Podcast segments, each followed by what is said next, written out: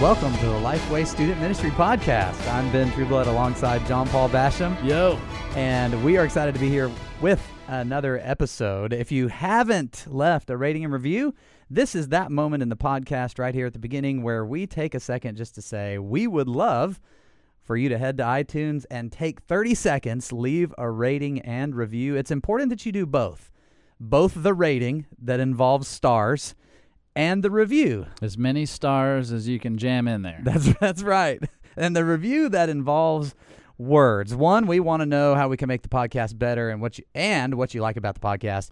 Um, and when you do both of those things, stars and words, they come together in a beautiful marriage of helping other people find the podcast. and probably some jewels in the crown that you'll one day wear, Maybe according to what theology you ascribe to. that could that could be. We're not going to fully endorse I'll go ahead and make an empty promise. That's right. So thanks for doing that and taking the time to do that. We appreciate that very much.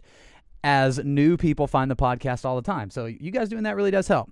Uh, the podcast this week comes via request that somebody sent in. So Tyler, we want to say thank you for sending this request.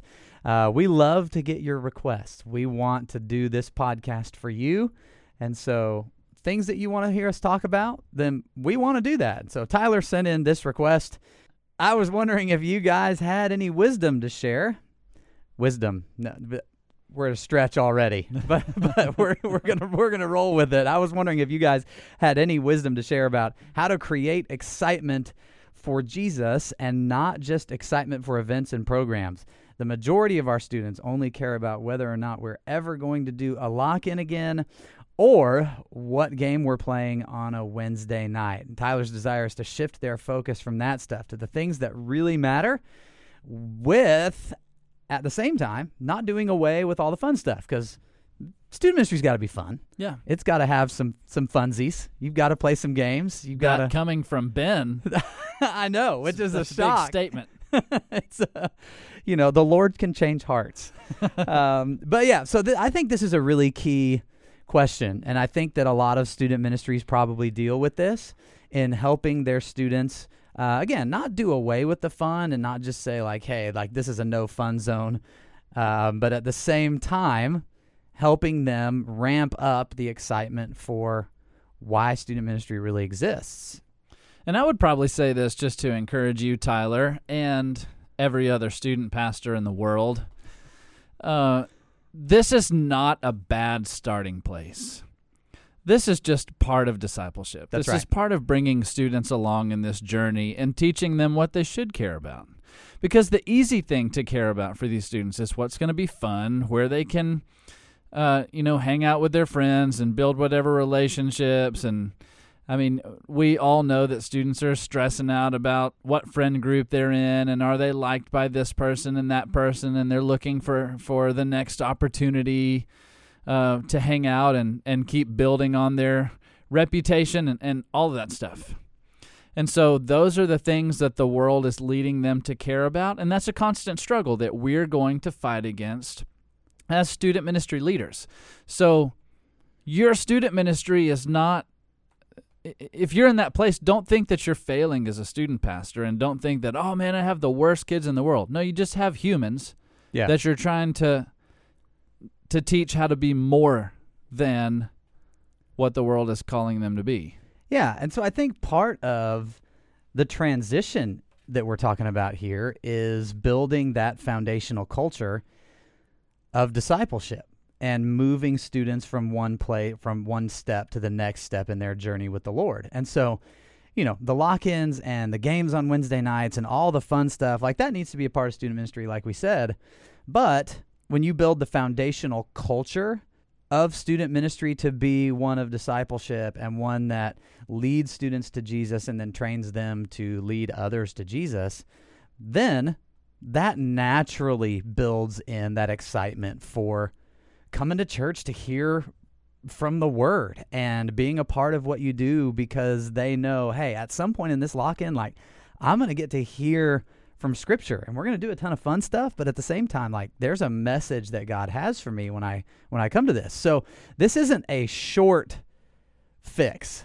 Like there's nothing in in this specific conversation that you can do or switch and the next week all of a sudden your students are going to be like, "Oh, like the light's going to shine down in your room and they're all of a sudden going to be all excited about Jesus." Like this is something that takes time to build into people because as they grow closer to the Lord, the excitement for what he has to say to them will grow.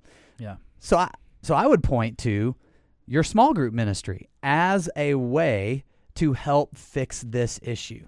What you're doing in your small groups as teenagers sit in a circle with a caring, godly adult leader and with other believing teenagers as they wrestle through the things of their faith around God's word, that will naturally feed into them wanting to hear from God's word more.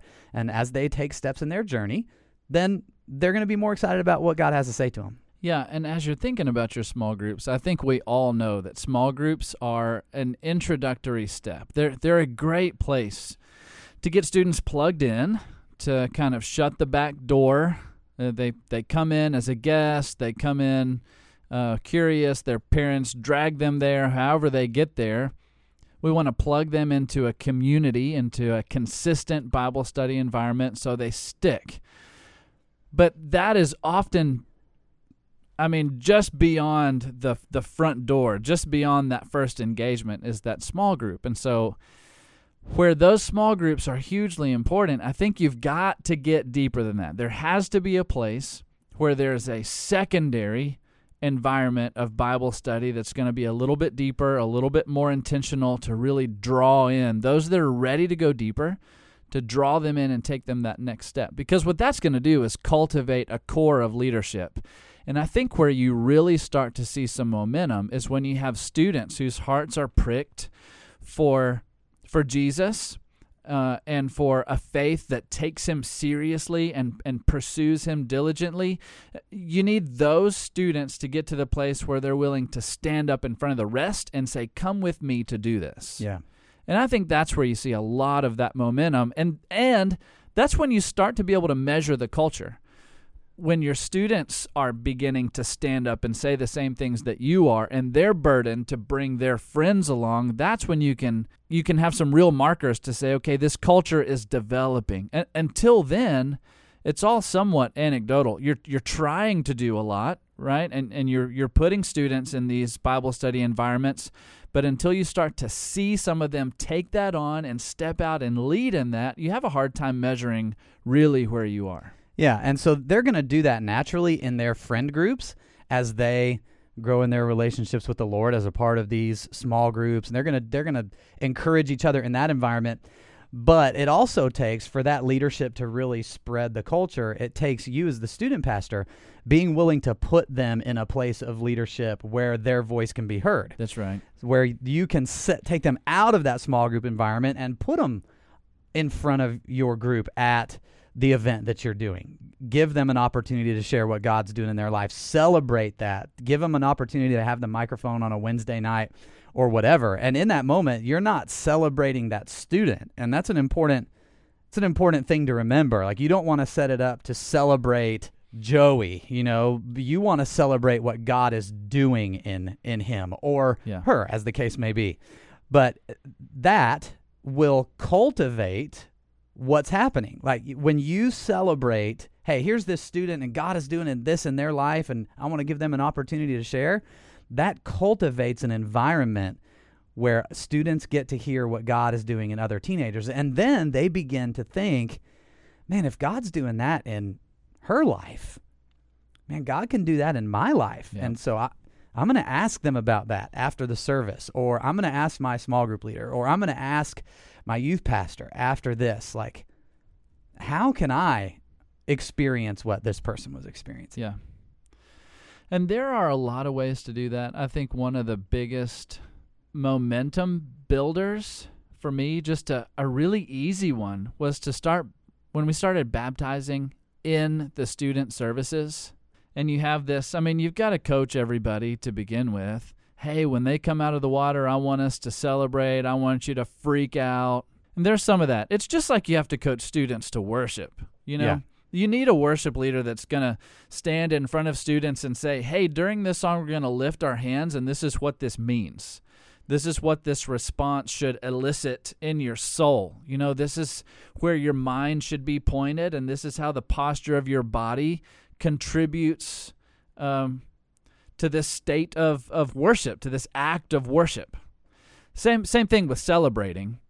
You got to teach them this we, we're celebrating these baptisms because this is what we know of baptism and because this is how big a deal this is for this to be their first step in obedience and because this is a celebration of what God has done in their life and how God has pulled them out of darkness into light. And so we together as the body of Christ are celebrating and cheering them on and praising the Lord all in this one uproar of excitement. So to begin with, there's the coaching and celebration. But I think as you continue to do that and you see those baptisms and, and other moments, in salvation moments, in moments where you've got students talking about this is what God did for me, this is a praise, you know, in a prayer request time, this is. Uh, man, I, I'm talking to a friend at school, and these are some of the conversations we had. When you start teaching students how to celebrate those, those moments become important and they become exciting. It's a, there's a point at which it kind of turns and it's not just your excitement and your coaching, but as they learn to cheer those moments on, uh, they begin to want to. Yeah, I, I think that the environment that you described there gives an opportunity to invite others too to share in that. So you, know, invite parents of the person that you're baptizing, obviously always, but if you're doing it on a Wednesday night, then that gives you an opportunity for other people to see and be, to begin celebrating what's happening in the student ministry as well. Yeah. And that just, again, creates this environment to celebrate what God is doing. And the common phrase that, that we've said on the podcast before, uh, and I don't even remember who said it for the first time, it's a leadership person, right? But you cultivate what you celebrate. Uh, and so I think, I think this is a, a point where a student pastor can sometimes really want teenagers to be excited about the Lord and what God's doing in them and their friends and in the ministry, and at the same time, really want them to come to their stuff. And I think the I don't think it's on purpose, but I think the accidental action that a lot of student pastors take is to put on their hype hat about the events and programs, knowing if I can get people to them, I'm going to give them God's word, right? So, like, that's a righteous motivation to put on the hype hat. Yeah. If I can get students to my events or if I can get them to think that this is a fun environment, then I can at the same time expose them to God's word, and there's nothing wrong with that. But many times, the way that fleshes itself out is that we're way more excited visually and vocally about the stuff than we are about what we really want to see. Yeah. And so I, I, I think just taking a second to watch how you do announcements and watch the excitement level that you put forward about those things will contribute to creating this celebratory environment about what God is doing. I think as you're watching your attitude towards all those things too, you need to assess how excited are you just about the Word of God. There's like a, personally, yeah, yeah. Students will recognize through what you say and the way that you say it if the the words that you're bringing are stale, if they're an old message, if they're just a generic truth that you've taught over and over and over again, or if you've had a fresh word from the Lord this week. Mm. If you've hmm. been pursuing him, then you're going to be really excited. Often, there's dry dry spells for for everybody. But more often than not, as you pursue Him and you're in His Word and you're actively praying, you're going to have something that you're that you're learning from the Lord. And those things are going to come out. And I know every time I learn something in scripture or I'm convicted by something in scripture, I'm passionate when I talk about it. Yeah. I mean, today before we recorded this podcast, I met with my accountability partner at McDonald's in Spring Hill. We're walking through the book of Hebrews, and in Hebrews chapter 5, he's taken chapters 1 through 4 to just kind of gently pastor these people along and tell them it's going to be it's, it's going to be okay it's going to be okay. Let me tell you why. Let me tell you how God is for you. Let me tell you everything he's done for you. And then in chapter 5 he addresses for the first time the problem and he addresses the fact that they're being sluggish in their faith uh, their hearing is dull and so they know all of these truths of Jesus They've seen miraculous things happen around them, but as they are seeing these things, the truth of Christ is falling on a dispassionate heart. Hmm. And I mean, we're talking through it, and I'm thinking, yeah, I'm there in some areas of my life. This truth of Jesus, this what Christ is speaking into me in some areas of my life is falling on a dispassionate heart, and I'm not doing anything about it. So if I go to preach a message, which I will this Sunday, this is timely. Yeah. And I begin to teach through that. I'm going to teach through it with great passion because it's something that Jesus has just kind of stuck his finger in in my chest and my heart on. Yeah.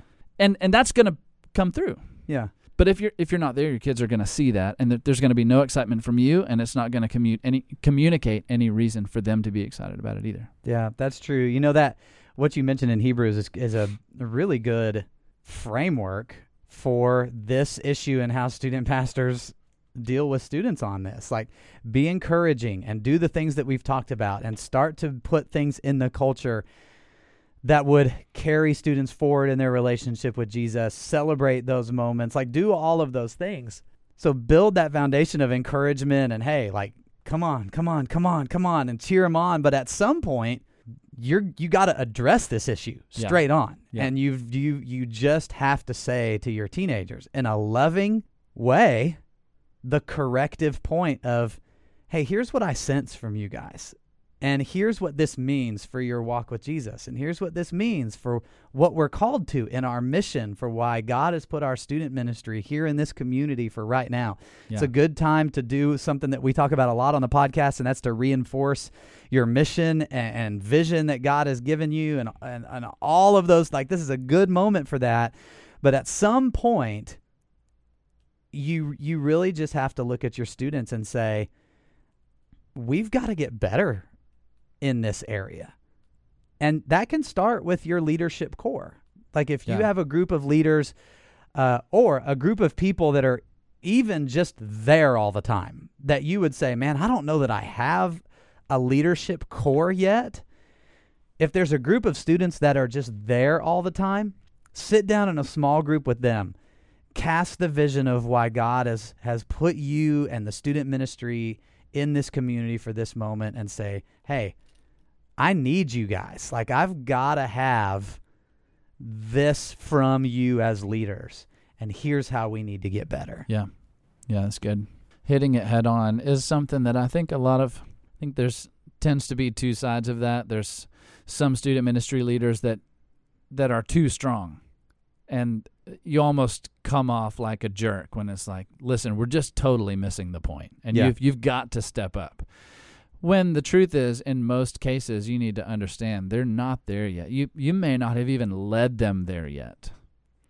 There's some students that you just you just need to to really give it to them. You know, the ones that you know they've heard it. You've walked with them. You've invested in them. You've spent a year and a half with them already. And they're just not there. Those are the ones that you, you know, you yeah. say, "Hey, it's time to step up." Right. and get it done. But to the student ministry as a whole to, to all your students they're not all going to be there. And so that that loving engagement that hey these these are some things that are going well here. Yeah. And and this is what i see in your life and i believe god is moving. I believe he's working. But we've got a responsibility to meet him there and to move too. And we're going to do that together as a student ministry. And so it's this I'm leading you, I'm with you, I'm holding your hand, but we're running. Yeah, and that's a great point about this too. And you there has to be a point where you where you just say, You have you have to just put it out there for them in, in the framework of giving them a vision of what it could be like if they embrace it. Yeah. So it's not just, hey, you're not doing this and man, all you care about is games and lock-ins and camps and it, just get better. You know, like that's what you want to say because you have such a heart for them. Yeah. But you've got to give them a vision for what it would look like if everybody was on the same page with this and everybody was pursuing Jesus together. If if if you don't get that image in their mind of what it could be, then they don't know what the target is. They don't know they're just inexperienced Yeah. because of their stage and their development and their walk with the Lord. So you you have to give them a picture of what it could look like. Yeah. That's good. The last thing I think uh, I think we would say on this, and th- we won't spend a ton of time here because I think we've talked about it in other parts of the podcast, but just have having purpose for the events and things that you do. So if there's a game, use the game as an illustration to connect what you're going to be teaching rather than just what's going to be the most fun thing that or messy thing or gross thing that we could do. That will help them connect. Oh, like there's a purpose in what we're doing. Same thing with anytime you gather, lock-ins and, and whatever, make sure that there's a moment that it it all culminates with that moment around God's word or students' testimony like we talked about earlier, something like that. Make sure that the fun stuff has purpose that all Mhm. points them in one direction. And we've talked about this a little bit before in a couple of podcasts, I think, but s- something that worked for me was to not do a game every week. I think a lot of student ministries are looking for a little, you know, silly, chintzy game to play at the beginning of, of every student gathering. And I, although I think that fun is important for student ministry, and you have to have that element, uh, know your audience, understand what they like, and you you got to speak their language. And games and fun is part of that language. It's part of that connectivity. But you don't have to have, and I think those are the hardest ones to connect. Those little silly two minute games that happen before every Wednesday night. When you do those and you try to connect every one of those to biblical truth, you're going to work super hard, and it's going to be a weak connection at best most of the time. or come off super cheesy. Yeah. So if you would take the approach that you have one game that builds over four weeks, you've got a four or a six week sermon series, and you have a game that that builds, or you just play the same game every time, but it's some kind of a competition. It's a different couple of kids um, every week. It allows you to plan out one game with one truth that highlights the main thing you're hitting over that sermon series. And then maybe the next four or six weeks, you don't have a game. You just preach. And that part of what that does is allow you to have a lot of intentionality around the fun that you're going to have leading into that to that sermon series and it helps you drive home a point that you can spend a few minutes time working on what's the point. You develop one game and you're done with the game element for the next 4 or 6 weeks. That's that's awfully nice. The other thing is when you have the next sermon series that doesn't have a game you're able to illustrate hey we don't have to have a game every time to come together and have fun. And that's when you can you can take a, a little bit different angle. What are we celebrating here? What what are we having fun with? Listen, this is fun. This truth that we're learning here is fun. This is impactful. This is a big deal. You know, maybe it's a video element that you have in the next sermon series or it's a an interview element that you have in the next series. It's something other than a game that still adds some of that spice you want for a student ministry environment but can start to kind of pull them away from we don't have to have somebody try to have you know eight atomic fireballs in their mouth you know before every wednesday night to see who can handle it the longest you know But that is a good one in case you're looking for an idea. in case it, well, actually, it's not because they might choke and die. mm-hmm. So there's that we can put that in the same category as the marshmallows. but it, Or know, mallows. if you're confident in the heimlich Right. You could probably get some good distance from the dislodging of the atomic fireball That's true. I'm not confident enough to do it. me either Well, we want to say thank you to Tyler for uh, suggesting this topic and for asking the question. And we want to encourage uh, the rest of you guys as listeners to engage in the topic suggestion. We'd love to hear from you. You can uh, reach me at Ben Trueblood on Twitter, and you can reach John Paul at John Paul Basham, B A S H A M, on Twitter and we would love to hear from you. Once again, just as a wrap up, uh, build the culture of discipleship. Make sure everything that you do has a purpose.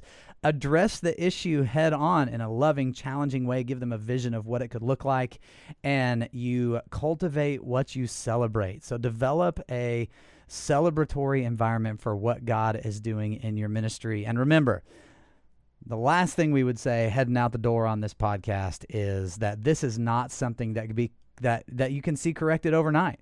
This takes months, years of pouring into students and constantly reinforcing this idea for it to take root. But once it does, man, what an awesome moment. Mm. So this has been another episode of the Lifeway Student Ministry Podcast. Thanks for listening. We'll see you next time.